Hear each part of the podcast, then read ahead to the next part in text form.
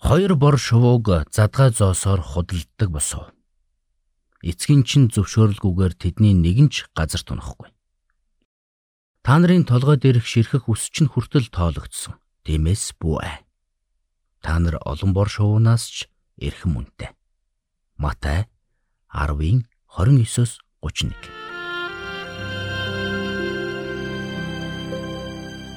Мэргэний сонсог, мэдлэгийн тэлэг. Ухаалх нь мэрэгэн өдөр төмжийг мөн авах. Доктор Харалт цаалогийн мэрэгэн зөвлөмж нэвтрүүлэг.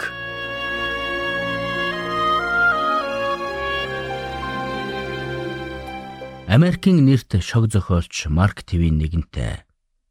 Би өчнөө олон зүйлд санаа зовсоор ирсэн ч тэдгээрээс ихэнх нь надад огт тохиолдоогүй юм да хэмээн хошгинсон байдаг. Үнэхээр Марк ТV-ний хэлсэнчлэн үнэн хэрэгтээ бид ихэвчлэн бидэнд тохиолдоогүй зүйлсээс болд санаа зовнилд автаж байдаг. Нэрт нэвтрүүлэгч Пол Мерс хэлэхдээ өнөөдөр бол өчигдөр таны санаа зовж байсан маргаас чинь юм гэж хэлсэн байдаг. Энэ үг үнэхээр үнэн. Өнөөдөр маш олон хүн өөрт нь хизээч тохиолддоггүй зүйлсээс болж санаа зовнилд автан амьдарч байна. Санаа зовнил бол айдсын нэг хэлбэр гэдгийг сэтгэл судлаачид батлан хэлдэг. Тэгвэл айдас төгшүүр нь бидний хүлж хөдлөх тэнхэлгүй болгодог. Тиймээс ч эзэн Есүс хурсан олонд хандан сургаалаа айлдж байхдаа тэдний зүрхний уухт оршин буй санаа зовнил айдас төгшүүрийн тухай өгүүлсэн байдаг. Матай болон Лук номд дараах үгсийг эзэн Есүс айлдсан байдаг. Би та нарт хэлье. Амдууд минь. Мах бодийг хөнөөгчөөс бүү ээ. Хөнөөсний дараа тэд яаж чадахгүй харин хинээс айж имээвэл зохихыг та нарт сануулъя.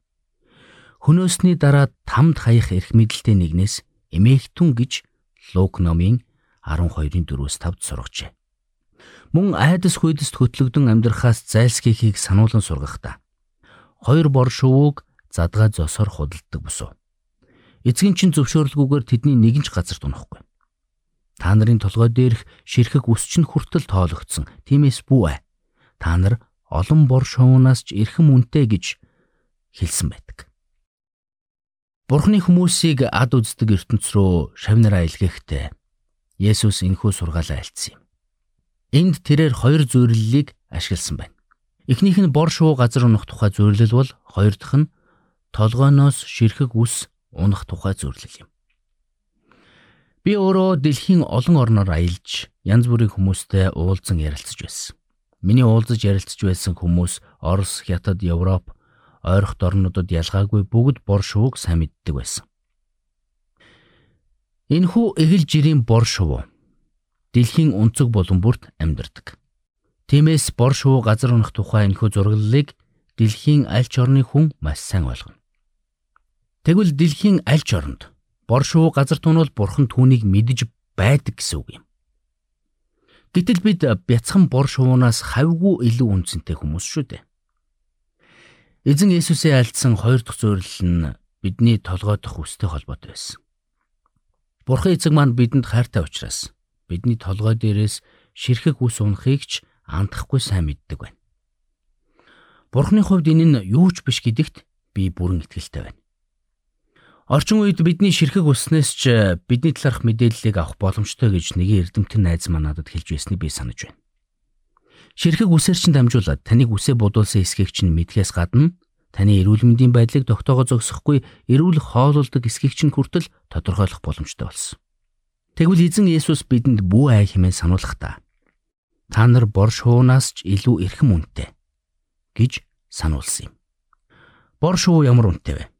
Таны толгооноос унах ширхэг үс ямар үнэтэй вэ? Үнэн дээр энэ бүхэнтэй харьцуулшгүй үнцэнтэй биш гэж юу? Гэтэл бурхан ийм өчүүхэн зүйлсэд хүртэл санаа тавьж байдаг нь хачиргалтай хэрэг. Тэгвэл бурхан энэ бүхнийг хянаж байдаг гэдэгт итгэдэг атлаа. Үсээ бууралттал санаа зовнилт автаж байгаа маань үүнээс ч хачиргалтай хэрэг биш гэж юу? Тиймээс би таныг ятгах байна. Та Матай номын 10-ын 29-оос 31-ийг Библиэлд тэмдэглээд дахин нэг уншаарай. Тэр бүхэл та нар миний ихнэр шиг цаасан дээр бичээд төрөвчөндөө хадгалсан ч болно. Эдгээр үгсийг цээжлээд цаасан дээр биш харин зүрхнийхээ самбарт бичвэл бүрч гайхалтай үр дүнг та үзэх болно.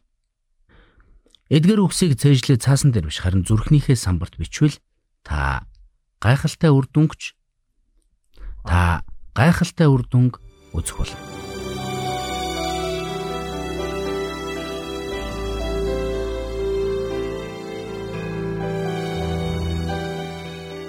Мэргэн нэгнийг дагвал мэргэн, мулгуутай нөхөрлөл хорлол.